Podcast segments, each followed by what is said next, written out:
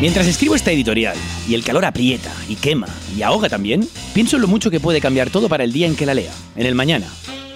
O incluso a las pocas horas de llegar al punto y final de este texto, que así ha sido. La temperatura no creo que protagonice ningún cambio radical, pues sigue abrasando, pero esta cuenta atrás que nos acompaña, que conste que no hablo del tic-tac de nuestras vidas, sino de los famosos 10 días del presidente Torra, esta cuenta atrás que nos acompaña parece desembocar en un nuevo confinamiento, o simplemente en una nueva vida de restricciones. ¿Quién sabe?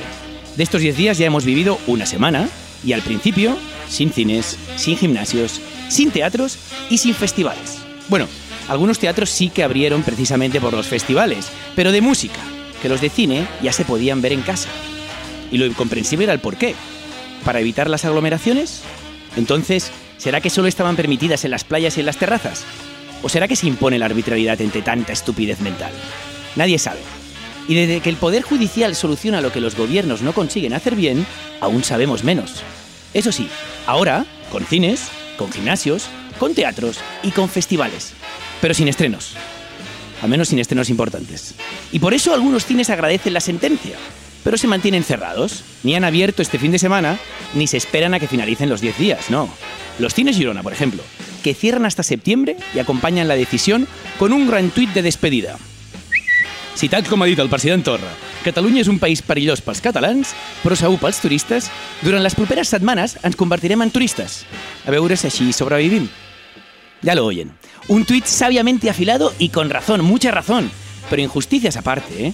no sé yo si podemos seguir disfrazando lo cultural de turismo en esta maldita tierra. Resulta evidente que se espera mucho más de los espacios deportivos y culturales porque se espera muy poco del ciudadano. Por eso se le invita a hacer la revolución, botella en mano, ¿ah? y a esperar pacientemente un nuevo confinamiento. Sin embargo, si la cultura y el deporte están en mínimos, por primera vez en mucho tiempo el turismo también. Durante la primavera aún parecía posible salvar esta temporada estival, pero ahora la única posibilidad que queda es el sálvese quien pueda y el para qué utilizar el Mediterráneo de piscina si en casa ya tenemos una.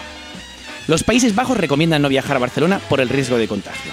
Y los alemanes amplían la recomendación a todo el territorio catalán. El primer ministro francés se suma a dicha prohibimendación y la lista de países cuyos ciudadanos no veremos por nuestras calles sigue aumentando. Los ingleses además miran a todo un mapa estatal y no se dejan ni las Canarias ni las Baleares. Y precisamente por eso, Stephen Frías, el gran Stephen Frías, no pudo recoger su Master of Cinema en el Festival Atlántida. Pero al menos se dejó ver en una gran pantalla, en el patio de la Misericordia de Palma, donde por cierto se le oyó decir, me avergüenzo de no estar ahí, mi gobierno es ridículo, en inglés, ¿eh? por cierto. Y el nuestro, Mr. Frías, y el nuestro, no se preocupe, muchos gobiernos se han ganado este adjetivo. Algunos al pecar de maldad y manipulación, y otros porque lo quieren hacer tan bien que la acaban cagando. Prendré les decisions que calgui sense que em tremoli el pols.